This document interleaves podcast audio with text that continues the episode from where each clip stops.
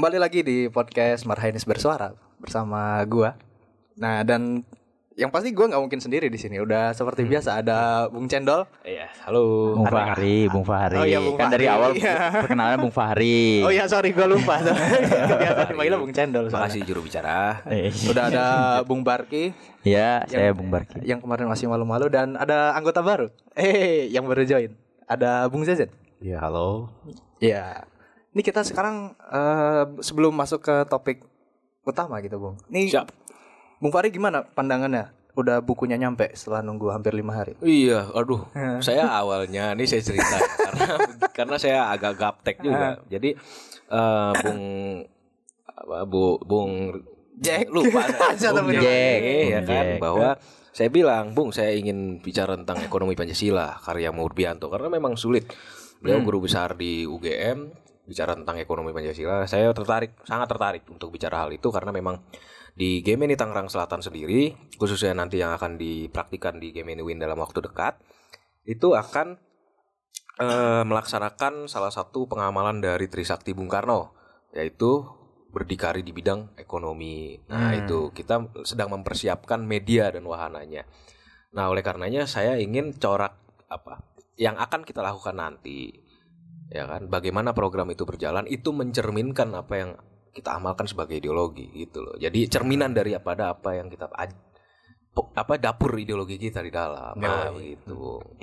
Terus juga belum belum terjawab itu. Apa gimana Iya, gimana? saya Perasaan bilang, lu gimana? Saya bilang, saya senang saya perasaannya bahwa saya tidak ti- ditipu. Tapi begini, Bu. Ya, Pak. Memang saya ada bukannya trauma ya, tapi agak was-was juga gitu kan. Kenapa saya bilang pertama sama Bung Jack, Bung, itu apa buku Pancasila benar tujuh puluh ribu?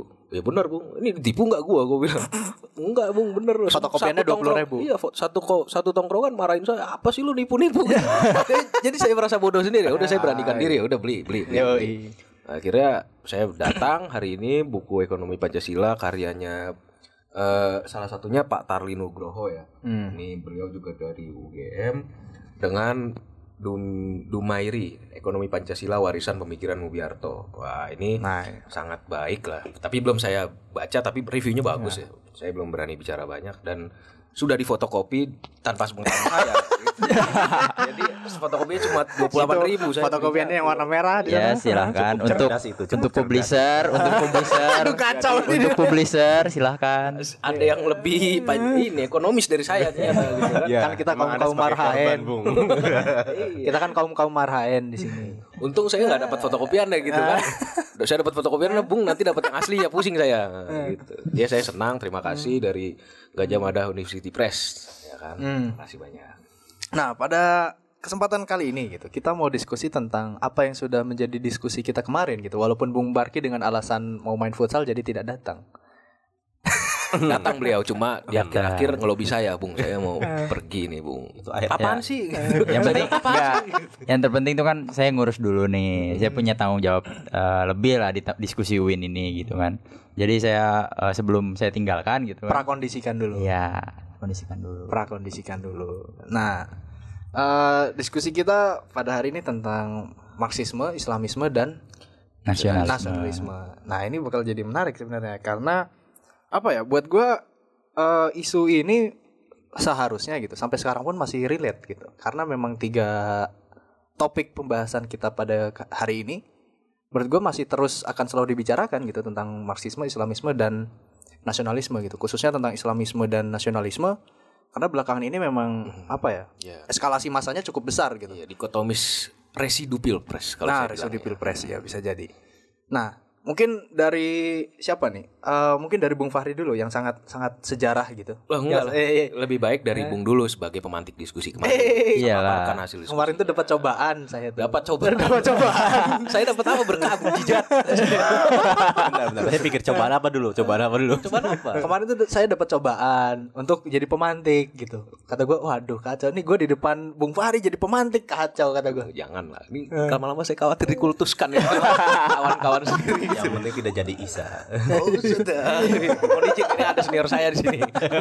mari, mari, mari. Nanti di kalau kita udah ada secret tuh satunya foto Bung Karno sampingnya Bung Fahri sampingnya. Oh, jangan Bung besar dan Bung sedang gitu. Iya, satu bung kecil ini bung sarir. bung Jarir. kecil ya. Nah, eh, diskusi kita tentang eh nasak tentang nasakom tentang iya iya kan nasionalisme Bukan. Bukan, agamanya diganti agamanya itu diganti Soekarno tua. Hmm, Soekarno tua. Nah, ini juga ngebahas tarikannya kan berarti sebenarnya. Ada. Tentang Bisa kita ditarik. ngebahas tentang nasionalisme, Islamisme dan Marxisme. Hmm. Nah, pertanyaan pertama gitu, Bung. Mungkin sebelumnya tuh kenapa sih Soekarno tuh nulis tulisan ini gitu? Hmm. Pertanyaannya. Menurut Bung kenapa sebagai pemain kemarin? Coba. Enggak, enggak. Seriusan. Nah. Ah, Gimana menurut Bung? Sebenarnya kalau dari hasil bacaan saya gitu, Bung, yang sangat-sangat terbatas Tuh, itu kan seperti saya udah tahu mau bilang begitu. Udah lah Bung gitu. Udah. merendahkan diri. Ya apa-apa lah. Nah itu kurang lebih kan eh, Soekarno itu menulis tentang tulisan ini tuh karena dia melihat tiga kekuatan besar kan pada saat itu ya dalam bentuk kaum nasionalis, kaum yang agamis dan kaum yang marxis gitu. Nah dia berpandangan kenapa eh, dari tiga kelompok besar ini yang seharusnya saling membangun gitu demi bangsa, demi memer- memerdekakan bangsa. Nah ini kenapa bisa jadi ribut nih malah di tengah-tengah gitu. Nah oleh karena itu Soekarno berusaha menghimpunnya dalam bentuk tulisan berupa apa- yang isinya jelas pemikiran-pemikiran dia gitu. Nah ini apa sih apa namanya istilahnya tuh eh, irisannya gitu dari ketiga ini. Yang pada intinya adalah kita sama-sama memiliki common enemy, kita sama-sama memiliki kepentingan bersama untuk Indonesia merdeka demi mewujudkan apa yang menjadi tujuannya masing-masing gitu salah satunya. Tujuannya kaum Islam ya untuk merdeka dari segala eh, apa namanya kekungan kolonial. Terus juga eh, tujuannya dari kaum Marxis ya untuk mewujudkan eh, sosialis sosialisme gitu mewujudkan cita-cita yang bersifat sosialistik. Nah, oleh karena itu ya pertama nih kaum kaum imperialis harus diusir dulu nih kayak gitu, Bung. Kalau yang setahu saya sih. Gimana tuh, Bung? Gimana gimana? Hmm, ya ada benarnya. Ada benarnya. Iya, benar itu. Ah, ada benar gitu. Ya bahwa eh, latar belakang sederhananya apa Hmm. yang dituliskan Soekarno pada tahun 1926 ini yang pertama adalah menggambarkan situasi nasional pada saat itu Hmm. terkait begini, sederhananya begini. Eh, kita harus tahu juga Soekarno ini berada di kubu mana pada saat itu kan. Hmm. Sebenarnya kubu nasionalis bukan hanya Soekarno. Soekarno kan pada saat itu dia orang ITB di ASC kan. Hmm. Algemene Studienrekrut. Nah, maksudnya dia juga sebagai sekjen. Ketika dia menulis itu sekjen dia ketuanya Muhammad Iskak. Ya kan? Tapi karena dia berkarya dan vokal, nah, dia akan menjadi pemimpin terkemuka di ke depan hari maksudnya itu pertama. Nah, tiga golongan ini nasionalisme, Islamisme dan Marxisme ini merepresentasikan dari tiga golongan juga yang saling nggak saling berseteru. Ini hati-hati sejarah ini juga kita tafsirkan. Mereka tidak saling berseteru sebenarnya dalam arti Islam itu mem- memusuhi Marxis sehingga gagasan Islam naik dan Marxis memusuhi orang-orang Islam dengan ini enggak begitu sebenarnya. Walaupun ada pergesekan intelektual, pergesekan dalam praktiknya ada, tapi itu bukan semerta-merta menjadi eh, alasan utama mereka berseteru. Nah, dari tiga golongan nasional, tiga golongan yang disebutkan itu, nasionalisme itu di- direpresentasikan oleh golongan- golongan-golongan mahasiswa di Hindia, di Belanda, yang pulang ke Indonesia setelah menyelesaikan studi. Siapa itu? Sahrir, misalkan. Hatta terutama. Ah, orang-orang itu yang membawa gagasan nasionalisme, ya kan? Nasionalisme ya bisa dibilang nasionalisme sekuler juga Hmm. ya kan bahwa mereka eh, tidak sepakat dengan orang Islam yang ingin memerdekakan bangsa Indonesia dengan satu agama tertentu dengan ambil agama tertentu bahwa kita ingin mendirikan negara persatuan. Ya bukan persatuan untuk satu agama tapi agama untuk persatuan. Hmm. jadi ingin memsetarakan lah dengan agama lain. Lalu juga tidak sepakat dengan komunisme dengan cara mereka merebut kemerdekaan dengan tumpah darah. Bahwa pada saat itu apabila kemerdekaan itu berusaha diraih dengan tumpah darah maka itu hanya membuang nyawa secara sia-sia. Hal- mereka orang-orang dari Hindia Belanda ini menawarkan gimana caranya mendirikan negara persatuan dengan cara yang tidak tumpah darah istilahnya Hmm. begitu. Kalau golongan Islam kita jelaskan bahwa semuanya ditarik bisa dari Jamaah al Syairiyah namanya. Orang-orang yang pulang dari Kairo salah satunya adalah Kahar Muzakir. Namun pada saat itu 1926 ini merujuk pada syarikat Islam tentu ya kan? Bagaimana Cokro Aminoto bagaimana Agus Salim mereka itu memiliki basis konstituen yang begitu besar. Begitu. Nah ini berusaha digambarkan Hmm. itu kan lalu juga kalau marxisme kita tahu lah ya kan bahwa mereka itu direpresentasikan dengan PKI pada saat itu walaupun di tahun yang sama walaupun beda bulan gitu 1926 Kak, akhir gitu ketika revolusi pecah Nah, itu dibubarkan. Jadi ini tu- tulisan ini sebelum dibubarkan itu PKI atau dipaksa masuk ke, ke menjadi gerakan bawah tanah. Hmm. Itu sebelum banyak ditangkap itu orang-orang PKI. Jadi maksudnya apa yang mau saya sampaikan? Bahwa eh, ketiga golongan ini berada dalam puncak gagasannya. Hmm. Gagasan Islam itu sedang berada pada puncaknya di mana mereka berhasil menghimpun kemandirian orang Islam. Bahwa mereka itu baru menemukan jati dirinya sebagai Islam yang bisa mandiri ya kan? Bisa menentukan arah politik walaupun arah politiknya nanti menjadi berseberangan gitu kan? Nanti kita akan bahas jadi ada yang pro dan ada yang pro pemerintahan Belanda dan ada yang tidak gitu kan? Nah Marxis juga berada dalam tingkat puncaknya. Ya kan puncak ya. Ad- berdirinya sarekat SI merah gitu kan. Ada juga sarekat rakyat. Nah, ada sarekat rakyat. Nah itu. Walaupun sarekat rakyat nantinya akan dibubarkan itu dalam sejarahnya itu.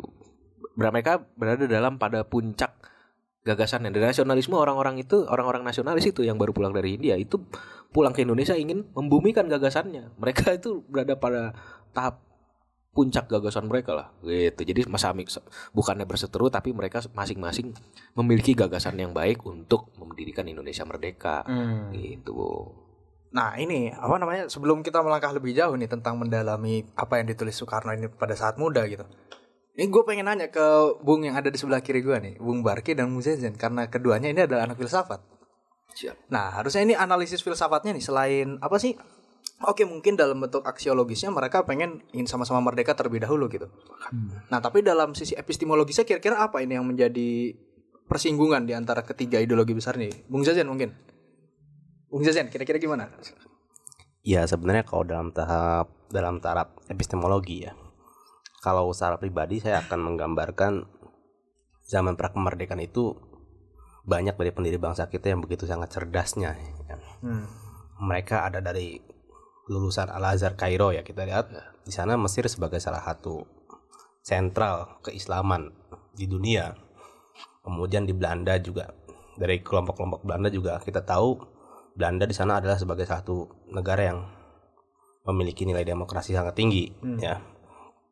Walaupun kita mesti banyak mengkoreksi bagaimana demokrasi di Belanda itu sendiri karena memang kita tahu lah Eropa bagaimana dalam membentuk demokrasi sampai bahkan ada seorang tokoh yang mengatakan di balik demokrasi memang diciptakan untuk laissez-faire ya, untuk Hmm. pasar bebas, Hmm. untuk kepentingan kapitalis. Tapi it's okay karena memang para pendiri negara kita cukup cerdas, mereka mampu untuk menyaring dan mengolah sesuai dengan kultur dan budaya kita Indonesia ataupun Nusantara.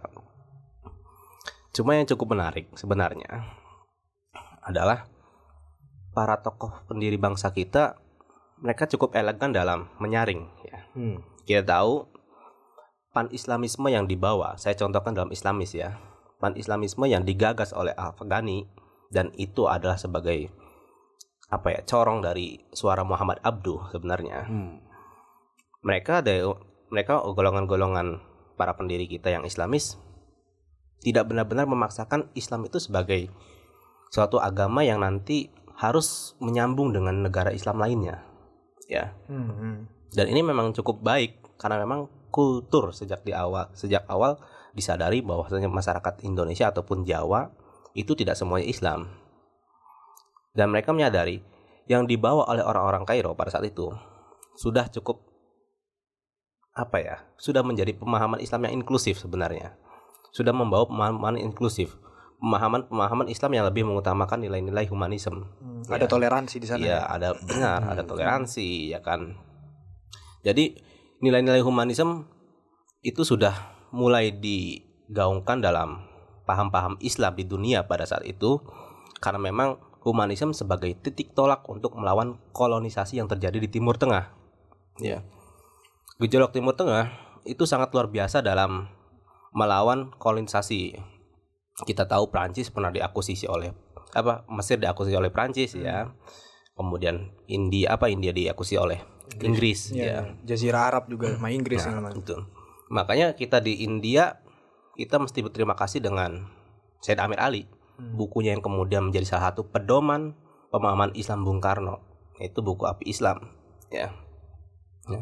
Tapi yang memang kebanyakan ada lulusan dari Al Azhar Kairo, maka itu akan lebih apa ya? Lebih segar karena dari pusat sentral. Walaupun mesti kita menyadari ada corak perbedaan antara Islam India dengan Islam Timur Tengah ya. Bukan berarti segmentasi, bukan ya. Bukan. Ada salah satu corak yang berbeda. Karena kita tahu di India di sana banyak umat Hindu ya. Sedangkan di Kairo kita katakan mayoritas Muslim. Pastilah pasti akan ada corak-corak tertentu. Tapi sekali lagi memang pada prinsipnya Islam dibangun atas dasar nilai-nilai humanisme. Makanya Gus Dur pernah mengatakan ya Gus Dur ya karena saya hanya sebagai Siap, siap. eh, apa ya? Sebagai salah satu. Ketika engkau berbuat baik maka siapa pun tidak akan pernah menanyakan agamamu. Dalam artian titik puncak dari agama adalah kemanusiaan. Titik puncak dari agama adalah kemanusiaan. Orang yang beragama tanpa ya tanpa memiliki fondasi yang kuat untuk memperjuangkan kemanusiaan nol. Itu adalah nol. Jadi itu adalah salah satu mengapa Islam nanti akhirnya oleh Bung Karno sebenarnya adalah salah satu kekuatan yang mampu untuk melawan kolonisasi karena memang dalam sejarahnya di Timur Tengah Islam adalah salah satu kekuatan yang maha dahsyat yang benar-benar ditakuti oleh para pihak kolonial semacam itu. Hmm, kalau dari Bung Barki nih, kira-kira apa Bung yang mau ditambahkan? Nih karena Bung Barki juga kemarin niatnya pengen bantu saya jadi pemantik tapi tidak datang gitu. Jadi saya jadi bego sendiri di Nih ya depan. Niat tinggalin. Enggak, Niat- karena niat tinggalin. harusnya gini, karena saya nggak datang diskusi, ya harusnya saya ya saya belum siap gitu loh. Wah, kacau Kayak ini. gitu. Saya nggak mau komentar itu. saya masih dalam situasi yang tidak kurang stabil untuk Mohon maaf, mengomentar hal iya. itu. Gimana Bung Barki? Gimana? Gimana? Jadi dalam penyatuan eh, tiga eh, golongan ini, Hmm. Tiga Ya. pemikiran ya ini tiga bisa. pemikiran inilah dari Ma- Marxisme, eh, Islamisme dan nasionalisme ini sebenarnya titik temunya ada di ranah perjuangannya gitu. Hmm. Sebenarnya mereka ya, seperti yang sudah Bung Jack katakan tadi eh, punya common enemy gitu. Punya common enemy yang apa punya musuh yang sama eh, yaitu kolonial dan punya sebenarnya punya tujuan yang sama gitu. Wah. eh ilhome par ilhome gitu kan. Apa sih namanya itu kalau di dalam bahasa Saya itu? nggak mau bantu. Oh, Eksploitasi L.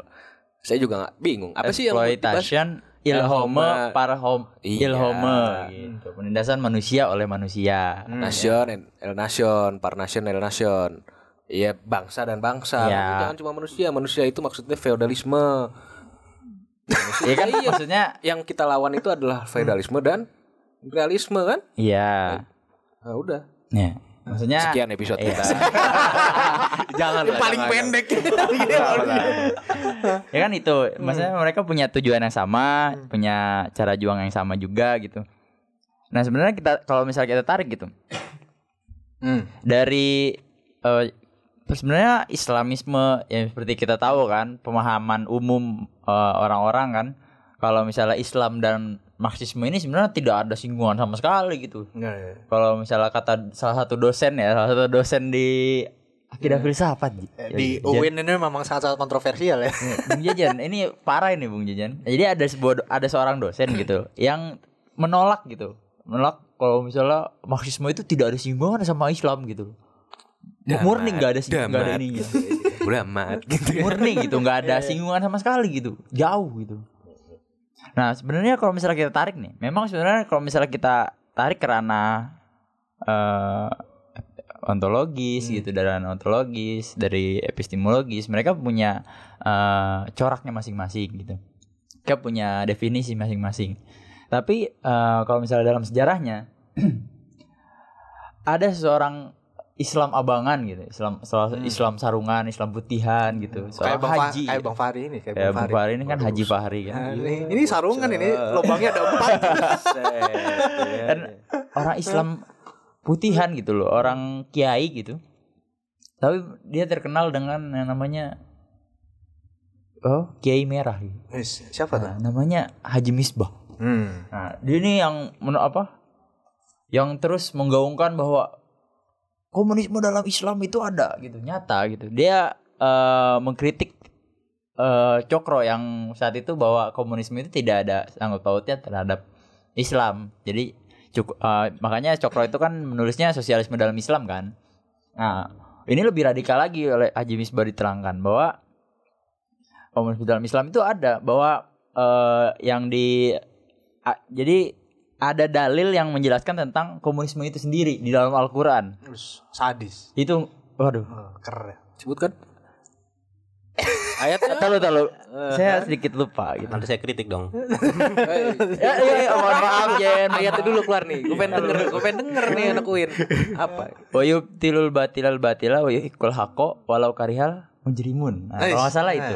Man salah katoriko. Eh, enggak Oh, iya, gitu. salah itu itu ada di apa pembukaan kitab eh, Risalah Alus Sunnah karya Ima- apa Hadrotus. Asyim Asyari. Syekh. Itu ada di pembukaan lah. Ini ya PKI. Itu nilai-nilai sosialismenya di mana tuh? Nilai-nilai Jadi- sosialisme di mana? Sama-sama menentang yang namanya apa? Batil. Yang batil tetap harus batil gitu. Yang Hmm. hak ya tetap hak gitu loh. Itu kan cukup eh, menggambarkan secara jelas gitu bahwa kita punya musuh yang sama, ya kan? Ko- Komunisme juga tidak menghenda- menghendaki an- yang namanya penghisapan manusia, yang mana itu adalah salah menurut komunisme. Hmm. Dan juga Islam pun begitu bahwa eh, tidak menghendaki yang namanya penghisapan manusia oleh manusia seperti yang tadi sudah saya jelaskan bahasa Belandanya yang ribet itu. Bahasa Prancis, bahasa Prancis, bahasa Prancis. nah. Eh, terus apa ya di tulisannya Soekarno itu yang beliau tulis di saat masih muda 1926 tuh berarti Soekarno umurnya masih berapa? 25 ya? Soekarno. ya segituan. Ya salah satu yang disinggung juga kan tentang masalah ini apa kalau nasionalisme itu kan corak coraknya itu cenderung eksklusif kata Soekarno tuh. Nah, justru dengan adanya Islamisme dan Marxisme itu yang sifatnya sangat-sangat uh, internasional, transnasional itu, maka ini sebenarnya melengkapi kata dia. Melengkapi dari paham uh, nasionalisme itu tadi. Nah, itu kalau menurut uh, Bung Fahri mungkin gimana tuh, Bung? Pertanyaan mohon maaf Tadi apa namanya? Nasionalisme kan cenderung bersifatnya eksklusif. eksklusif. Nah, lokal dia kan regional gitu. Iya. Nah, tapi dengan adanya Islamisme dan Marxisme ini yang dia sifatnya transnasional, Hmm. ini sesungguhnya melengkapi dari nasionalisme itu sendiri. menjadi domestik gitu maksudnya. Eh, maksudnya begini, pada saat itu juga nasionalisme pada saat itu juga mohon izin eh, nasionalisme yang dikenal di belahan dunia itu kan masih simpang siur begitu kan. Ah, Hitler bilang fasisme eh, ekspansioner dia bilang itu adalah suatu penjawatan daripada nasionalisme. Hmm. Ya kita menganggap itu adalah penjawatan dari jingo nasionalisme, ya kan? Nah, kayak maksudnya begini. Nasionalisme itu yang dalam pemikiran Soekarno di episode sebelumnya kita pernah bahas, ya kan terdiri dari tiga pemikiran. Nah, kalau bicara tentang konteks pada saat itu, Pak Soekarno itu bicara sebenarnya bukan lagi dalam persepsi nasionalisme itu bagaimana, tapi blok historis apa yang dibangun dari tiga golongan ini. Hmm. Blok historisnya, masing-masing ini eh, ada kelompok yang menggaungkan nasionalisme, kelompok yang menggaungkan Islamisme dan Marxisme gitu kan. Mereka ini memiliki blok historisnya masing-masing. Blok historisnya nasionalisme pada saatnya itu pada masanya itu dibangun daripada in, Indis Party kan. Iya, ini seperti. Iya kan Indis Party 1908 oleh Louis Dekker, Cipto Mangunkusumo dan satu lagi. Ayo siapa Siapa Bung Barki? Suwardi Surya Dining. Rat. Nah itu siapa? Nanti saya kenalan. Lah enggak Suwardi Surya Dining. Rat lu nggak tahu. Bung Jajan tahu kali. Siapa, Bung?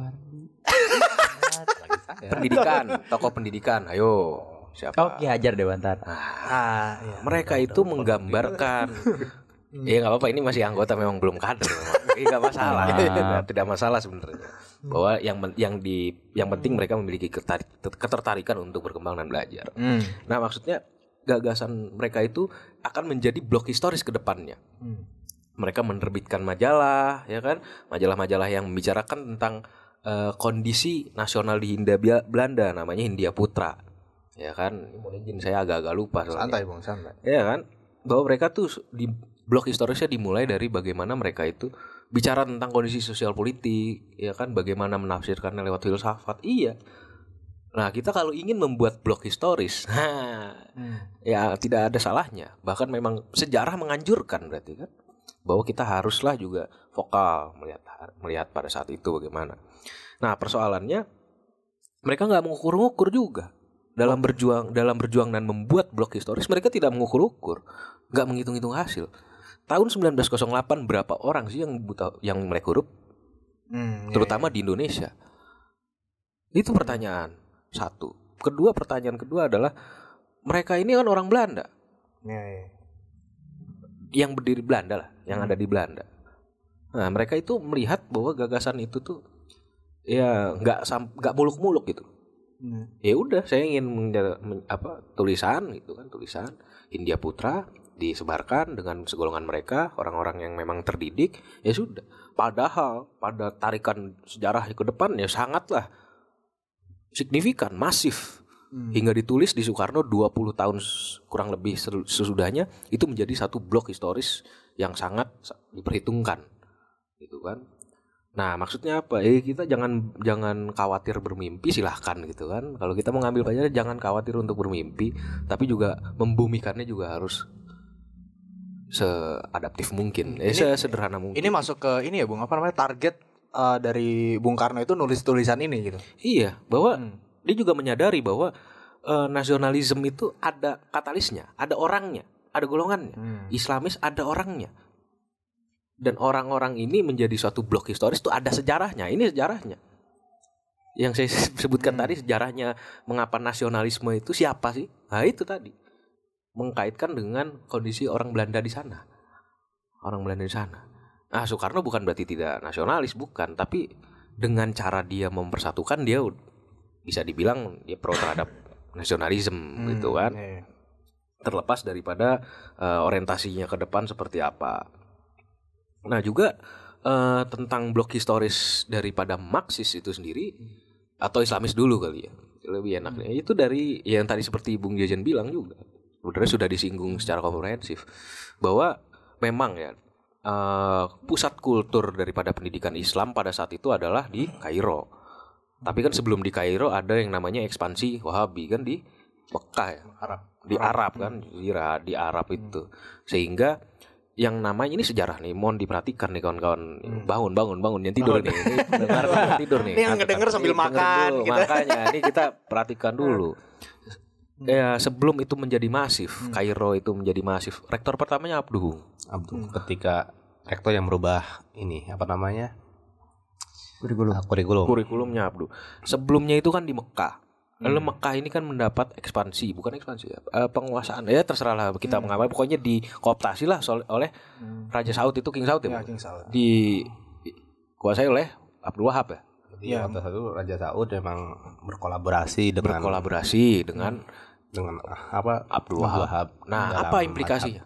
Dalam apa, Bu? madhab- dalam madhab teologi. Dalam mazhab teologi.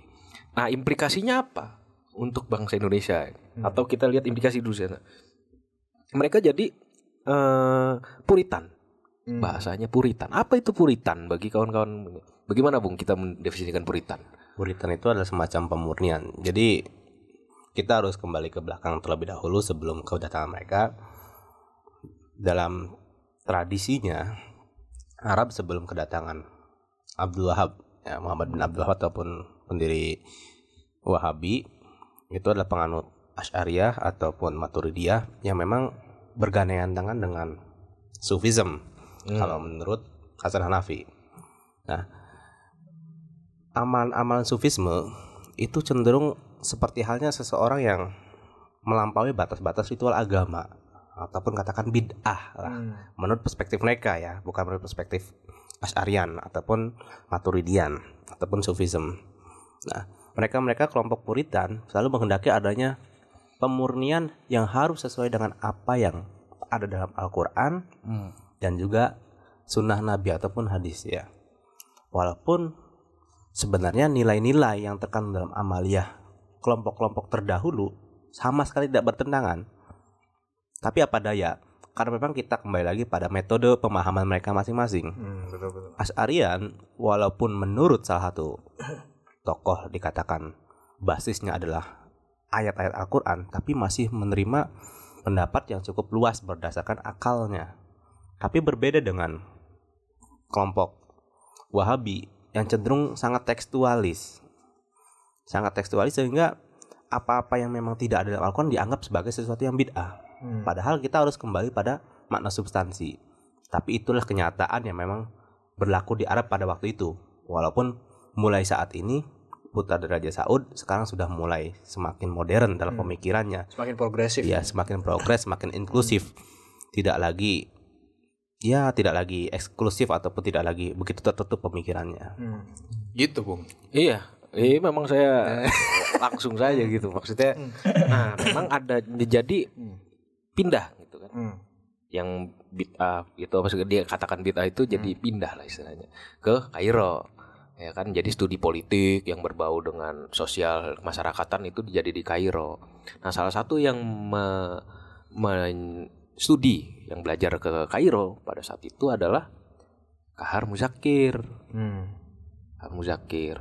Har Muzakir itu dia termasuk yang menjadi eh, golongan reformis modernis Islam. Nah, dia ketika pulang ke Indonesia, ya kan dia membuat blog historis itu. Dia akan eh, bahwa Islamisme yang di sana itu yang dikhawatirkan oleh Belanda, sangat dikhawatirkan oleh Belanda itu adalah orang-orang yang pulang dari haji dan pulang dari Kairo itu. Hmm. Iya, dikhawatirkan karena memang gagasan-gagasan yang dibawa oleh eh, orang-orang di mana? Orang yang pulang itu karena mereka tuh pas pulang ini bikin majalah nih. Hmm. Ya kan? Ada majalah nggak enak banget nih namanya itu kalau nggak salah Seruan Azhar. Mohon dikoreksi nih. Hmm. Ya, Seruan Azhar. Nah, itu apa sih itu? Dia menggambarkan apa sih? Majalah itu. Nah, majalah itu pada saatnya itu menggambarkan pan-islamism, paham pan-islamism, lalu pan-malayanism, malayanism. Hmm. Malaya dari Hmm. Malaya. Dan yang terpenting dan menjadi perhatiannya Belanda adalah India pada saat itu adalah anti kolonialisme. Hmm. Ada pesan anti kolonialisme. Memang pan-islamism itu memang untuk anti imperialisme kan, memang melawan kolonisasi waktu itu. Hmm, memang Hmm. pada saat pada di Afghanistan itu di mana Jamaluddin Al Afgan ini eh, memang dia kan memang mau mengusir imperial kan, mengusir penjajahan dan segala macam dan itu yang datang ke Indonesia gagasan itu gagasan anti penjajahan. Lalu dari pendidikan dari Kairo apa? Fatur Rahman eh, bukan Fatur Rahman Kafrawi apa? Muhammad Abduh dan Karim Zakir ini apa gagasannya yang dari Kairo ini? Adalah gagasan mengadopsi Coba gimana Bung mengadopsi? mengadopsi Maksudnya? pendidikan barat. Hmm. Jadi pada saat itu ya sudah banyak sudah banyak dalam universitas-universitas Islam Hmm. sejak kemunculan Abdo yang mengadopsi pendidikan-pendidikan barat ya, pendidikan-pendidikan barat, sosiologi dan memang banyak kan juga dari golongan Islam yang menggunakan sosiologi Auguste Comte ya. Hmm. Memang Salah sosiologi satunya. the best memang. Auguste Comte itu yang apa yang menjadi tiga tahap itu ya kemanusiaan dari metafisis, teologis, kemudian jadi Positivis. positivis. Itu memang digunakan, Hmm. itu digunakan. Karena memang analisis semacam itu sudah terjadi dalam dunia barat. Jadi ketika kita ingin mengadopsi, ingin menandingi, ingin menandingi kemajuan Eropa ataupun kemajuan Barat, kita harus mengikuti langkah-langkah mereka. Walaupun kita harus menghindari semangat modernitasnya. Jadi yang membedakan adalah modernisasi yang dibangun di atas Islam dengan basis spiritual. Hmm. Tapi modernisasi yang dibangun di Eropa adalah sekuler. Ya, ya, ya. Karena kita tahu basis Islam selalu ber- selalu ada nilai-nilai teologis yang Hmm. menjiwai pemikiran-pemikirannya. Tapi dalam Eropa nyatanya pemisahan antara agama dan pengetahuan itu adalah pemisahan yang memang sudah mutlak.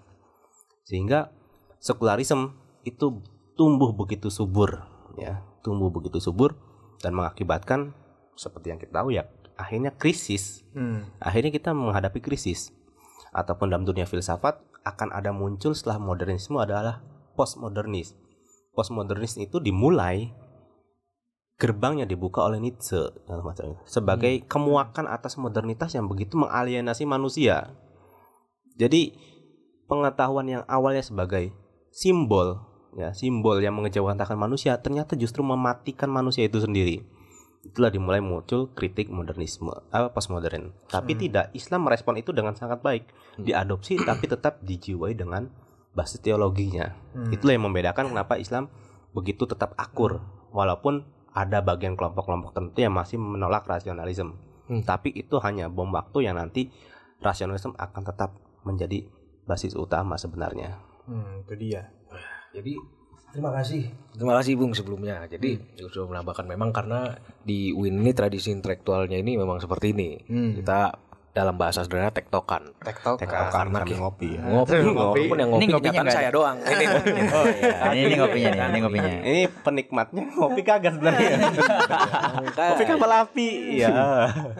Tapi ya jadi ada dua yang dikhawatirkan oleh Belanda pada saat itu yang disinggung secara tidak langsung oleh Soekarno lewat tulisannya ini 1926 bahwa adalah arus orang yang pulang haji ya kan yang kedua adalah arus yang dibawakan oleh pan Islamisme dan Muhammad Abduh ini nah apa kha- khawatirnya khawatir mereka menjadi terbuai ini orang-orang Islam yang pergi ya dan pulang ke Indonesia Sumatera Barat dan Timur terutama itu pulang ke Indonesia mereka membawa gagasan anti imperialisme itu Hmm, justru Satu. datangnya dari luar ya. Iya, datang Semangat. dari luar semangat itu. Dan kedua adalah eh, mereka mereka yang berusaha me- apa mengadopsi pendidik bukan pendidikan barat, mengadopsi pendidikan barat lalu mela- untuk membangun ini membangun peradaban baru lah gitu kan. Nah, jadi mereka tuh khawatir.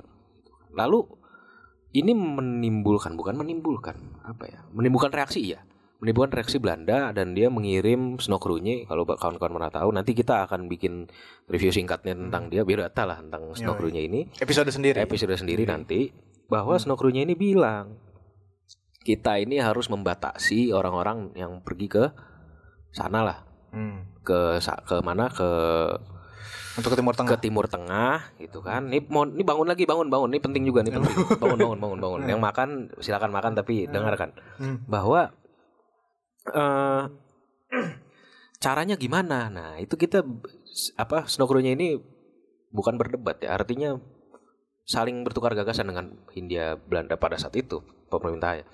Nah, apa yang diperdebatkan bahwa eh ini orang arus daripada mana? Daripada arus dari Timur Tengah ke Indonesia ini nggak boleh dibendung gitu aja.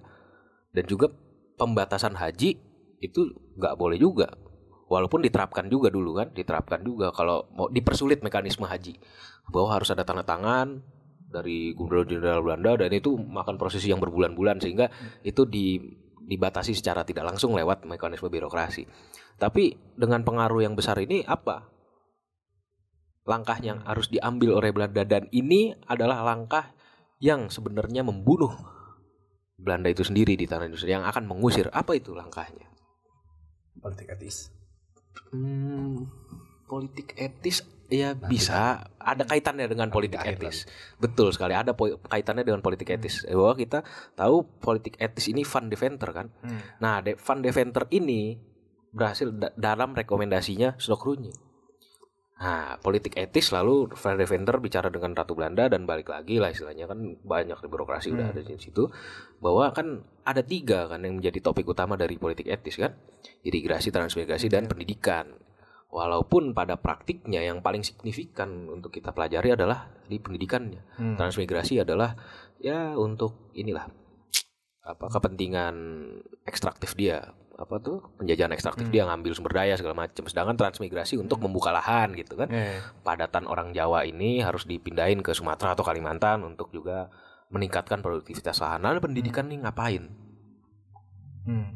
ini menjadi penting bahwa pendidikan itu diberikan oleh Belanda bukan semerta-merta untuk apa? Bukan semerta-merta untuk ya lu gue didik. Bukan terima kasih thank you. Enggak.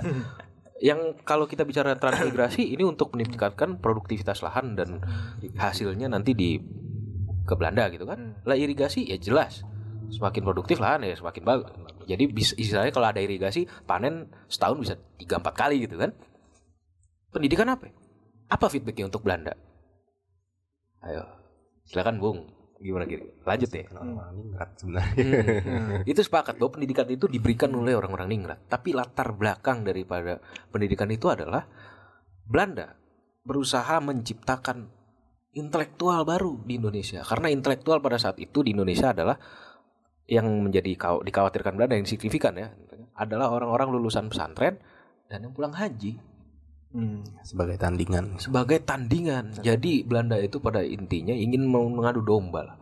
orang Indonesia antara orang sekuler dengan orang agama gitu kan. Hasil pendidikan Belanda dengan hasil pendidikan Timur. Lalu apa hubungannya dengan yang tadi saya sampaikan? Pengaruh pan-Islamisme dan uh, modernis, reformis modernis Muhammad Abduh yang pulang ke Indonesia. Apa hubungannya? Jelas. Hubungannya adalah membuat pendidikan Belanda itu jadi lebih wah gitu lah. Jadi Hmm. kalau lu mau belajar nggak usah jauh-jauh dan hasil pelajarannya pun nggak kalah bagus dari orang timur. Jadi membuat secara tidak langsung orang Indonesia tidak terlalu tertarik atau tidak terlalu minat untuk jauh-jauh ke Belanda supaya buat belajar doang Hmm, gitu iya, iya. terbuka dengan pendidikan Barat Hmm. Nah, Baratnya ke sini gitu kalau di sana kan kalau orang ke Muhammad Abduh itu ke Kairo buat pendidikan Barat nah ka- kalau Belandanya bilang pendidikan Baratnya ke sini lu nggak usah ke sono lagi gitu Hmm, loh iya, nah jadi begitu sederhananya mohon Hmm. dikoreksi nih para pendengar udah silakan tidur Nah. lagi Podcastnya belum kelar. ya ntar dulu sabar Makan sore dulu, Makan makan sore, sore, makan sore. dulu. Nah, Ini. tapi gini, Bung, apa namanya? Oke, oke, eh, Tadi kita kan sudah dijelaskan bahwa ancaman Islamisme yang datang dari Timur Tengah itu Mm. eh, lah- yang karena memang apa namanya? toko apa ya? Coro co- curut Cokro, lagi. cokro. Bukan curut cukup menjadi apa ya? eh, yang men-challenge kolonialisme yang di Indonesia gitu. Nah, kita nyambungin lagi ke yang tulisannya Soekarno ini gitu. oh siap Nah, di mana eh, Soekarno di sini kan juga apa ya? Antara Islamisme, Marxisme dan nasionalisme ini kan sebenarnya khususnya kalau misalnya kita perhatikan di Islamisme dan Marxisme kan sebenarnya paradigmanya berdewe- berbeda gitu. Ya jelas. Di mana ya, Islamisme kan dia pandangannya spiritualis, spiri- spiritualis gitu kan. Nah, sementara yang eh, Marxisme kan eh, materialis gitu. Nah, kalau dari Bung Barki nih, kira-kira apa Bung yang menjadi titik temu antara dua ideologi ini? yang berusaha dipertemukan Nah, yang berusaha untuk dipertemukan. Gimana Bung Barki? sokin Sokin. Mungkin. Sokin, sokin, sokin. Gimana Bung? Tadi yang eh, sudah dijelaskan kan eh, oleh kita semua, ya, Hmm, kita semua kita semua menjelaskan. Kita semua menjelaskan gitu kan. Meskipun tidak eh, tidak selalu benar gitu. Hmm. Jadi yang berusaha disatukan oleh Soekarno adalah eh, arah juangnya, Hmm. arah juangnya gitu. Meskipun mereka sebenarnya sudah sadar gitu. Sebenarnya eh, golongan Islam, oh, golongan Islam di, di, di golongan Islam juga kan disebutnya sebenarnya kalau relatif itu mengkoreksi itu gitu. Jadi jangan sebut golongan Islam golongan nasionalis tapi nasionalis sekuler dan nasionalis Islamis. Hmm. Nah, dalam golongan nasionalis Islamis ini sebenarnya mereka sudah sadar bahwa eh, ad- musuhnya udah jelas gitu. Hmm. Musuh yang ingin dia hadapi uh, common enemy-nya adalah kolonialisme. Nah, dan Marxisme ini yang direpresentasi eh, representasikan oleh PKI juga punya kesadaran itu gitu. Da- tapi mereka berjalan masing-masing di relanya masing-masing. Makanya Soekarno mengandaikan jika tiga golongan yang disebutkan dalam eh, tulisan Hmm. beliau itu dalam satu rel perjuangan bangsa Indonesia gitu itu akan menjadi lebih masif gitu. Ya, ya. Jadi itu yang eh, upaya Soekarno untuk mempertemukan tiga ideologi itu gitu. Untuk ya lah gitu loh. Kita satu rel aja gitu untuk memperjuangkan ini. Mungkin salah satunya juga ini ya, Bung yang tadi Bung udah sebutkan ayatnya itu yang saya sampai merinding gitu karena mendengar ayat Tuhan gitu di sini. Oh, yang ini Ini apa? yang merinding harusnya. Saya merinding mendengar ayat Tuhan di sini gitu. Nggak panas, Oh, nggak panas. sinkronisme Jawa merinding. kan? Lu ngelihat orang digorok-gorok nggak ngapa-ngapa merinding. kan ini merinding. Dengar orang baca Quran merinding. Makanya hatinya lemah banget. makanya ini sebenarnya oversensitif aja tuh ya. Nah, Peran ya kayaknya. Kayaknya. nah di di yang ini Bung apa namanya? Maksudnya di Islamisme sendiri itu juga terkandung di dalam itu nilai-nilai yang sosialistik gitu. Sebagaimana hanya Marxisme gitu kan kurang lebih. Nah, kalau menurut Bung Zain kira-kira gimana tuh? Tadi menanggapi ayat yang sudah dibacakan oleh ini Al-Akh Al-Akh Al-Akhbarki. ya tidak ya sebenarnya kalau dalam tataran teoritis kita sebagai umat muslim ya khususnya saya khususnya saya ya. Ya, Barki nggak tahu apa. khususnya saya secara pandang pribadi Islam itu memang sudah komprehensif ya. Kita tahu kalau Islam sebagai penyempurna. Hmm. jadi kita tarik dulu dalam sejarah agama. Evolusi agama katakan ya, kita katakan. Agama dihadirkan Tuhan agama dihadirkan Tuhan itu memang disesuaikan kebutuhan. Hmm. kebutuhan dan kapasitas manusia. Kita melihat bagaimana dalam masa Adam itu tidak ada ajaran. Ya mungkin hanya ada aturan-aturan moral. Nah, ini Tapi tidak. sebentar Bung, ini penting nih bangun ya. Bangun, bangun. bangun, bangun. Ini penting ini. Tidak tidak ada ajaran yang cukup jelas ya. Karena memang manusia masih sangat primitif pada tahap awal ya. Kemudian tahap selanjutnya kita sudah mulai mengenal Nabi Ibrahim ya, katakanlah Nabi Ibrahim. Nabi Ibrahim pada saat itu di Al-Qur'an digambarkan kalau saya katakan sebagai nabi yang sudah mencoba untuk mendobrak rasionalisme. Ya, mencoba untuk membawa rasionalisme itu sebagai salah satu apa ya? Salah satu bagian dari manusia yang memang harus ada. Hmm. Makanya dia menolak despotisme raja pada saat itu, ya. Bahkan dia sampai kita tahu ya ada ayatnya kan dia menghancurkan patung-patung, kemudian ada patung besar diberikan kapak Ya, ya. ketika dia dia. Patung besarnya diapain Bung? Enggak diberikan kapak. Aduh, Jadi. Ada Ini malah Bung Bung Fahri nggak tahu ceritanya malah. Ya, jangan jangan jangan jangan. lebih, lebih parah lagi. jangan lebih parah jangan. lagi. Jangan. Tuh, tuh, tuh, tuh. Iya khususnya khususnya jajan. Modal Umat sama- Islam khususnya jajan.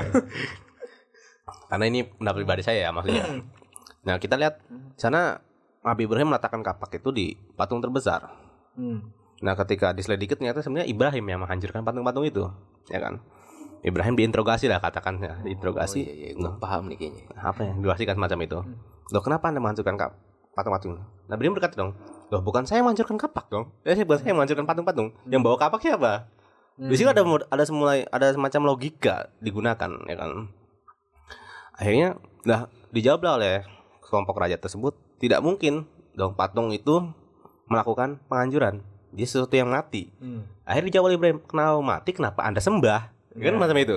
Berarti di situ ada semacam penggunaan rasio. Ya, Logikanya Ada udah mulai bermain. ya sana. sudah mulai bermain. Manusia adalah pada tahap itu berarti kita sudah lihat sudah ada perkembangan cukup signifikan, kan? Kemudian sampai ke ajaran Yahudi, ya ajaran ajaran Yahudi, kemudian disempurnakan. Yahudi itu adalah ajaran keadilan kalau katakan ajaran keadilan. Selalu menuntut keadilan, tapi tanpa ada perasaan yang lebih smooth, lebih smooth ya. Makanya nanti disampaikan oleh ajaran Isa. Ajaran Isa itu cenderung dengan rasa kasihnya, Hmm. jadi kita bisa ngeliat dari dua agama, dari dua agama ya, agama Ibrahim yang dua ini. Kita lihat keadilan satu sisi sebagai sesuatu yang harus ditegakkan, tapi cinta kasih di satu sisi pun harus menyeimbangi keadilan. Hmm. Kita tidak boleh menuntut keadilan secara secara apa ya? Secara membabi buta. Kita harus di harus kita harus menyeimbangkan di mana letak kasih sayang itu. Ya kan? Makanya Islam datang. Islam dalam segenap aturannya pasti kalau ada keadilan sekaligus kasih sayang. Islam itu selalu mencirikan dua itu karena Islam sebagai sesuatu yang menyempurnakan. Makanya kita tahu kalau ya kalau kita baca hadis ya sedikit-sedikit hadis lah. Ya. Sedikit hadis ya. Wait. Nabi Muhammad itu bahasanya kan ya nama bu istri utamima makarimal akhlak. Bahasanya li utamima. Ya bahasa utamima. Utamima saya diutus untuk menyempurnakan. Hmm. Menyempurnakan berarti sudah ada bangunan yang sudah terbentuk. Kemudian disempurnakan. Kan macam itu. Hmm. Jadi sudah dalam manusia sebelum ajaran-ajaran sebelum Muhammad itu sudah memiliki konstruk yang memang sesuai dengan kebutuhan manusia tapi untuk kebutuhan manusia yang akan datang maka perlu penyempurnaan-penyempurnaan lebih. Hmm. Nah, di situlah keberadaan Al-Quran. Al-Quran diturunkan khususnya di tanah Arab. Ya, Al-Quran kita tahu itu adalah teks. Teks itu hanya apa ya? Katakan hanya sebatas indikasi atas realitas sosial. Hmm. Ini yang jadi perlu saya sampaikan ya. Jadi maaf untuk orang-orang tekstualis. Saya agak, agak nakal juga ya. Orang-orang tekstualis GMNI bahas begini apaan? Orang-orang tekstualis mendengar marahin bersuara. Kalau marahin kalau, bersuara. kalau anak yang itu tekstualis bilang tuh kan tuh kan ini gitu kan. Game ini gitu kan dimusuhin dah. selalu, selalu, selalu. Emang ini kita perlu ya karena kita masuk dalam ranah epistemologi ataupun teori ya. Kosannya Barki pokoknya di belakang Iiki ya. Lu cari gebukin orangnya nggak apa-apa dah. Tempat kita rekaman itu masih dirahasiakan. Gimana Bung? Gimana Bung? Ya jadi Hmm. kita kembali saya gunakan teori Hasan Hanafi ataupun teori-teori kritik kritik pengetahuan tekstualis ya. Ayat itu teks teks itu adalah indikasi atas realitas sosial. Hmm. Nah, maka ayat Al-Qur'an itu tidak sepenuhnya dapat untuk mengadili suatu hukum. Karena ayat itu sifatnya indikasi. Hmm. Maka yang perlu kita cari adalah nilai universal dalam Al-Qur'an, bukan teksnya. Ya bukan teksnya. Ayat Al-Qur'an itu seluruhnya memiliki kesinambungan dalam dalam masalah hukum. Maka ketika kita ingin memberikan suatu penghukuman melalui ayat, maka kita harus melihat semangat universal dalam Al-Qur'an itu sendiri. Karena ketika kita berbicara teks, teks itu kita harus lihat realitas sosialnya bagaimana pada saat itu. konteks Nah, kontekstual bahasanya semacam itu. gitu Makanya di situ ada bahasa apalah gitu ya asbabun nuzul apa tahu asbabun nuzul. Kabul burun kalau kata beliau ini. Nuzul, ya. Tapi kita baik lagi Ya, nilai-nilai sosialistik Iya, itu tadi. Nah, kita kembali ke nilai sosial ya. Akhirnya kita tahu bahwasanya agama memiliki evolusinya sendiri ya, memiliki evolusinya sesuai dengan perkembangan manusia. Dan akhirnya kita menemui Islam yang memang untuk seluruh zaman sampai akhir. Berarti kita sudah tahu Islam akan mencapai manusia modern, mencapai manusia postmodern ya kan. Dan sampai manusia entah kapan gitu ya. Berarti kita lihat dong. Kita lihat berarti Islam dengan nilai-nilai kemanusiaannya itu akan mampu menjangkau seluruh lapisan manusia ya Fase sampai akan datang ya. Nah, di sini kita berbicara tentang manusia. Ya, kita akan berbicara manusia. Kenapa manusia? Kenapa Islam begitu membesarkan nilai-nilai kemanusiaan? Ya karena manusia itu adalah wakil Tuhan. Ya, manusia itu wakil Tuhan. Manusia adalah wakil Tuhan. Nah, nanti akan bertemu dengan Marxisnya di mana? Ya. Manusia adalah wakil Tuhan. Ketika manusia wakil Tuhan, maka nilai kemanusiaan sebagai adalah nilai tertinggi. Tidak ada dong makhluk Tuhan yang lebih mulia daripada manusia. Hmm. Maka nilai-nilai yang bersangkutan dengan manusia adalah nilai tertinggi. Hmm. Nah, itulah letak nilai kemanusiaan. Nah, nilai kemanusiaan ini pun sama seperti yang digagas oleh Renaissance. Renaissance ya di barat itu adalah upaya untuk membebaskan manusia dari kungkungan gereja. Gereja begitu memonopoli kehidupan manusia sampai hal yang paling intim pun. Hmm, Ya. betul Hmm. Dari situlah makanya para intelektual menggugat gereja dan mendobrak dominasi gereja. Dobraknya dengan apa ya? Dengan akal. Kenapa? Karena orang-orang gereja selalu apa ya?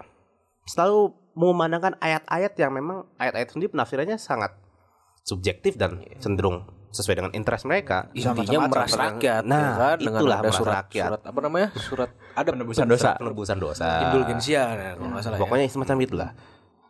Jadi pengalaman pengalaman pendobrakan rasionalisme terhadap apa dominasi agama khususnya gereja pada saat itu ya. Itu adalah untuk pembebasan manusia itu sendiri. Nah, salah satu aliran yang berkembang dalam abad modern adalah Marxis, ya kan? Hmm. Marxis ini digagas oleh Karl Marx. Karl Marx sendiri mengadopsi dialektika Hegel. Jadi kita harus kembali ke dialektika, ya. Bagaimana perjalanan umat manusia. Marx akhirnya menemukan manusia adalah makhluk yang bekerja. Ya. Tidak ada makhluk yang bekerja selain manusia. Ya dong. Ya kan? Pada sejarahnya manusia tidak ada yang bekerja. Ya kan? Eh makhluk manu- apa makhluk tidak ada yang bekerja selain manusia. Nah, Marx akhirnya mengatakan manusia adalah makhluk yang bekerja. Tapi dalam pekerjaannya dalam masa-masa kapitalis ternyata pekerjaan yang dilakukan manusia itu tidak menghasilkan sesuatu yang sebanding dengan apa yang dia kerjakan. Ada penghisapan. Ada penghisapan. Di sinilah manusia dikebiri. Seharusnya dia mengerjakan kemudian mendapatkan hasil yang seimbang, tapi justru sebaliknya dia bekerja tapi tidak mendapatkan hasil yang utuh untuk dirinya ataupun masuk. pantas. Nah, di sini letak di mana hakikat manusia di apa namanya? diperkosa oleh kapitalis. Kalau kita dulu hakikat manusia di apa dimonopoli oleh gereja pada masa Marx, manusia hakikat manusia ternyata dikebiri oleh Para kapitalis, ini. para borjuis ya. Nah, ini di sinilah Marx memperjuangkan nilai-nilai kemanusiaan, tapi tetap karena apa namanya aksioma Marx ya. Aksiomanya Marx itu adalah manusia adalah makhluk bekerja. Aksiomanya ya ataupun premis besarnya. Maka semua apa yang digagas oleh Marx akan bersifat material, Hmm. akan bersifat materialistis. Nah, di sini letak letak perbedaan antara Islam dengan Marx. Marx. Tapi Islam sendiri tidak membantah nilai-nilai material manusia, tidak. Islam itu sangat menghargai nilai-nilai material manusia, asalkan tidak meninggalkan nilai spiritual. Hmm, betul, betul, betul. Makanya ada doa robana atina fid dunya. Dunia itu sebagai simbol material, Hmm. ya kan? Mm-mm. Jadi Islam itu cukup seimbang sebenarnya. Makanya seperti Bung Karno katakan, ya Islam itu sama sekali tidak menolak Marxis, ya. Walaupun Marxis itu punya adagium agama adalah candu, tapi agama yang dimaksud adalah agama-agama mereka yang mereka orang-orang Barat yang pada saat itu cukup mengkebiri gitu. loh. Jadi tidak ada bantahan untuk Islam sebenarnya. Cuma kadang kebanyakan orang tidak begitu memahami bagaimana sejarah pemikiran Marx itu sendiri sehingga dengan semudahnya mengatakan hal macam itu. So soal ateis, soal ateisnya nanggung. Marxisme itu ateis loh. Tapi kan Marxisme itu agama candu. Oh, iya. Tapi kan Marx itu kan kalau nggak salah ngomong agama adalah candu itu kan dalam konteks bahwa agama itu pada saat itu bisa mengebiri apa ya kesadaran kelas kan kalau Ya, kita- yang gereja tadi. Betul. Nah. Karena memang gereja pada waktu itu justru apa ya? Namanya selingkuh dengan para borjuis. Pemerintah. Ajaran-ajaran gereja itu justru melalaikan manusia untuk mencari apa untuk merenggut kembali hakikat hakikat dirinya. Ya kan? makanya harus bersabar. Aduh, sabar aja sih bagian segini. Kan gitu. makanya. Gampang nanti di surga. Yang penting kalau masuk surga iya. Kalau neraka iya. Masuk neraka dunia kagak enak. Bisa. Makanya. di neraka disetrika. Iya, tapi dengan tidak ini ya, dengan tidak dengan nada tidak menjelekan atau Iya. tidak ini ya kita ya, hanya kita bicara sejarah saja. Kita berbicara sejarah serius. Semangat sejarah itu bagaimana? Nah, di situlah. Jadi Islam begitu hormat dengan Marx sebagai ajaran bukan berarti Islam menghormati bukan maksudnya Islam cukup bisa menerima ajaran Marxis gitu ya, tidak menolak sekaligus. Cuma ya kita tahu sendirilah Marxis sendiri ada mereka-mereka Marxis kolot lah, Marxis ortodok ataupun Marxis kanan yang memang ya mereka tidak mau mengikuti perkembangan pemikiran. Marx pernah mengatakan saya bukan Marxis. Ya, Marx mengatakan saya bukan Marxis. Karena ketika Marx pikiran Marx sudah dijadikan ideologi, kebanyakan ideologi itu selalu tertutup. Jadi itu yang dikhawatirkan. Padahal ideologi mestinya bersifat dinamis dong, Ya, ya, ya. ya kan? Karena pemikiran Marx sendiri kan berawal dari sosialis kemudian jadi komunis. Iya, padahal ia hanya meletakkan batu dasar. Batu dasar. Nah, itu. Lalu juga begini, Bung, tentang marxisme ini. Ini penting ini untuk melingback apa yang disampaikan oleh Bangun, bangun, bangun. bangun dulu nih, tapi gua mau lanjut gua Bangun, gitu kan bahwa dia itu kan sezaman dengan Charles Darwin ya kan hanya saja apa yang dikaji oleh Darwin adalah alam maka yang dikaji oleh Marx adalah manusia kita tahu alam dengan manusia ketika kita bicara soal ilmunya sifatnya kan berbeda ada yang sifatnya absolut ya kan alam kita menafsirkan alam ya kan menafsirkan alam seperti apa.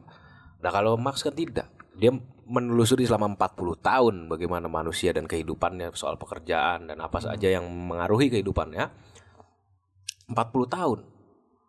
Dan itu hanya diba- dibayar untuk berapa itu. Ya, ya. Nah maksudnya yang mau saya sampaikan begini, bahwa dinamika ya, dinamisme manusia yang dia pelajari bu. Gitu bagi kaum kaum marxisme ortodok juga harap mungkin harus Bangun, bangun, bangun, bangun, bangun. Marxis kanan bangun bangun. Hmm, bahwa dia itu mengkaji dinamisme manusia dan dia mengkaji itu bukan hanya untuk menggambarkan, menafsirkan, menjelaskan apa yang terjadi pada saat itu penghisapan dan teori lebih U1, komunitas U2 apalah itu. Nanti kita bahas itu di kamar yang selanjutnya. Tapi dia juga bicara soal ini Bung, apa tadi saya bilang lupa saya. Hmm, Apaan Bung Mal? Enggak, enggak, enggak. Dia bicara soal dia berusaha merubahnya. Nah, dia bukan hanya menafsirkan tapi juga dia berusaha merubahnya.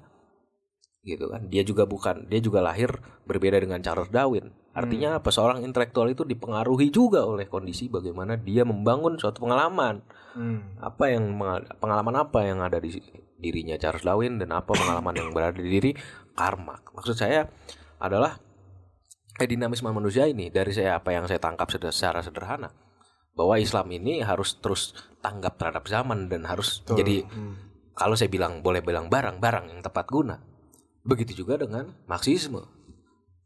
Dia juga harus tanggap terhadap zaman dan juga dia harus tepat guna saya rasa. Saya rasa dalam pemikiran saya. Tapi juga begini perlu digarisbawahi bahwa eh, kedua paham ini yang berusaha disatukan oleh Soekarno dalam satu tulisan minimal kan di- minimal satu tulisan dulu gitu Iya. kan. Nah itu harus terus dihadapi dengan realita dan tantangan zaman. Jangan kita ortodok lalu kita tertutup ya udah pokoknya gini pokoknya gini. Nggak bisa begitu. Lalu kalau ada pertanyaan apakah tulisan itu apakah paham nasionalisme marxisme islamisme itu masih relevan hari ini? Ya nggak relevan saya bilang kalau Bung ini tidak berupaya untuk menghadapkannya dengan persoalan hari ini tidak akan relevan Nah, kita itu mengkaji itu supaya mendapatkan intisarinya. Hmm. Intisari yang ngurus orang tua apa segala macam, tapi intisarinya gitu loh. Supaya kita bisa tahu. supaya kita bisa tahu dan kita bisa menghadapi dengan realita hari ini yang semoga bisa menjawab gitu loh. Ya kalau kita bicara menjawab berarti kita ada perubahan kan? Betul, betul. Tapi perlu diingat juga bahwa perubahan tidak lahir dari tangan-tangan yang konvensional. Gitu. Harus tangan-tangan yang berani menghadapi pikirannya sendiri. Inklusif harus. Orang-orang progresif ini memang Mengerikan. mengerikan. Tadi katanya kita anti tekstualis. Iya. Aja sih boleh tekstualis, sih? tidak boleh itu masih anak Oh, SD. tidak boleh. Anak Iya, Maaf, maaf, maaf, maaf, maaf. Nah, tadi eh, kayak kita udah bahas tentang persinggungan dari nasionalisme, nasionalisme, Islamisme dan eh, Marxisme, terus juga kaitannya kalau di tulisannya Bung Karno itu kan dia nulis salah satunya itu kan eh, Islamisme itu dengan persinggungan dengan Marxisme itu kan adalah sama-sama menentang kapitalis. Mm-mm, Pada saat itu. Pada saat itu salah satu bentuknya kan karena penghisapan itu yang dilak- Imperialism. nah, yang di penghisapan yang dilakukan oleh kaum kapitalis ini kan Mm-mm. Dalam kacamata orang Islam kan dalam kacamata Islamisme kan ini bentuk kezaliman gitu bahasnya dia. Iya, riba, menentang riba. Ah, kan? riba gitu. ini makanya pendengar semua harus baca dulu baru dengerin podcast ini gitu. Jadi biar biar biar ma- biar masuk gitu. Baca woi, baca baca. Ah, baca baca Eksekusinya, Ah, eksekusinya. Nah, pertanyaan yang ada di diskusi kemarin itu pertanyaan dari Bung Akmal gitu kan. Yang tentang oke mungkin eh, tulisan Bung Karno ini tentang Marxisme, Islamisme dan nasionalisme itu untuk memerdekakan gitu. Nah, namun seperti yang kita tahu bahwa merdeka itu adalah sebenarnya jalan emas menuju sesuatu yang lebih besar lagi ke depannya. Betul, ada Nah, dua. Ah, iya, iya, Nah, iya. bagaimana di kontekstualisasi di zaman ini yaitu apakah udah gitu tiga ideologi ini bersatu untuk menentang uh, imperialisme terus sekarang merdeka lalu kita pisah lagi atau gimana gitu. Nah, Iya. mungkin Bung Barki dulu nih. Bung Barki dari tadi dari tadi sih mestinya pengen ngomong berarti. Enggak, enggak ngomong. makan dia belum makan dari awal. Belum makan. Kan udah ngopi, ngerokok tadi banyak banget. Mendingan begini. Eh, Bung Akbal itu bertanya kan seperti itu bahwa apakah nasionalisme hanya akan tumbuh ketika ada perlawanan begitu loh. Hmm. Ada sesuatu yang dilawan. Nah, ini sebenarnya kita bagaimana menyele- bukan menyelesaikan apa ya, menambah bahwa cakrawala keilmuan kita Hmm. terkait bagaimana men- mendeskripsikan sejarah pada saat itu. Iya memang kalau kawan-kawan daripada game ini percaya memang bukan percaya lagi ate ya. Enggak, bukan berarti saya mencari tahap di atas percaya enggak, tapi ada satu literasi bicara bahwa nasionalisme itu terbagi dari tiga fase. Hmm. Nah, kan notulensinya ada nanti silakan dibaca. Hmm.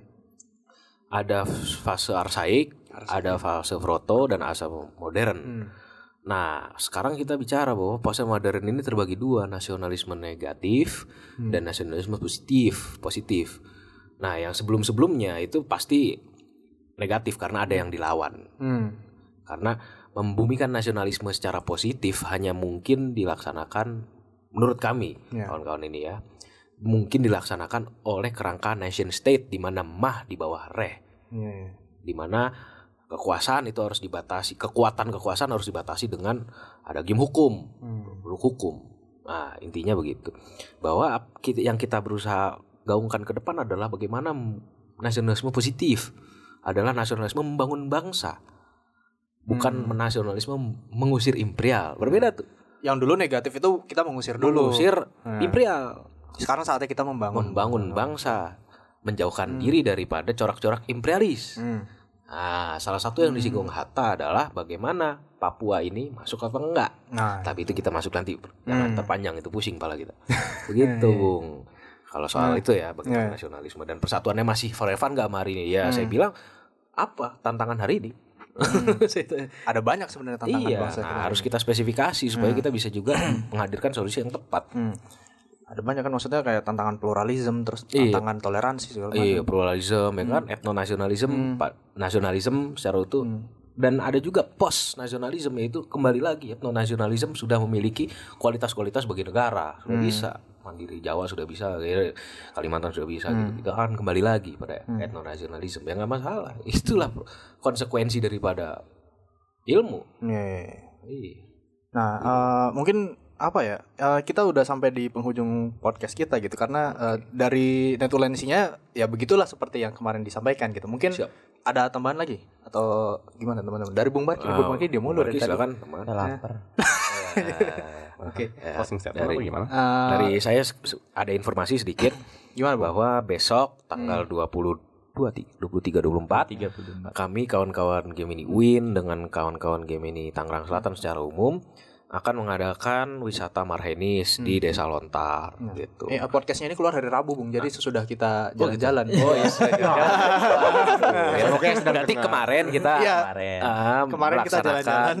Eh, wisata marhenis di mana tujuannya adalah mengenal sosiopolitik, Hmm. ekonomi kerakyatan dan bagaimana hidup sebagai rakyat dan eh, ya sederhana lah mengenal marhain dan penghisapannya lewat praktik Hmm. begitu dan Iya, iya. itu akan kita selenggarakan insya Allah dua bulan sekali Dua bulan sekali. minimal Ya. gitu nah itu jadi nanti notulensinya atau bagaimana penggambaran kita di sana akan dijelaskan di Podcast Podcast lagi selanjutnya. biar teman-teman bisa semuanya mendengarkan Podcast gitu. selanjutnya. Podcast selanjutnya. silakan Bung ada closing Gimana dari atau mungkin Bung Barkin lapar Ah, ah, nan- untuk informasi lebih lanjut di apa Di Instagram WA aja saya. di WA Ah, Di flyer itu ada nomor WA saya. Ah, di Instagramnya apa Di namanya? Instagramnya game ini Win Jakarta. Iya, game ini Win dot apa underscore gitu. Underscore game ini underscore Win Jakarta. Win Jakarta, Itu nah. boleh di direct message di sana. Nah, di situ ada nomornya Bung Barki bisa dihubungi. Eh, mungkin dari eh, gua sekian, eh, di sana ada Bung Fahri, ada dari Bung Barki juga pamit dan ini ada Gus Zezen. Ah, iya. Kenapa harus ada perbedaan diskriminasi Plural, pluralisme. diskriminatif ya ini ini Bung kamera deh. Ini Gus. Jelas. gua, gua Mas aja itu. tong tong Eh, mungkin segitu dulu dari kami eh, dan sekali lagi mereka. Mereka.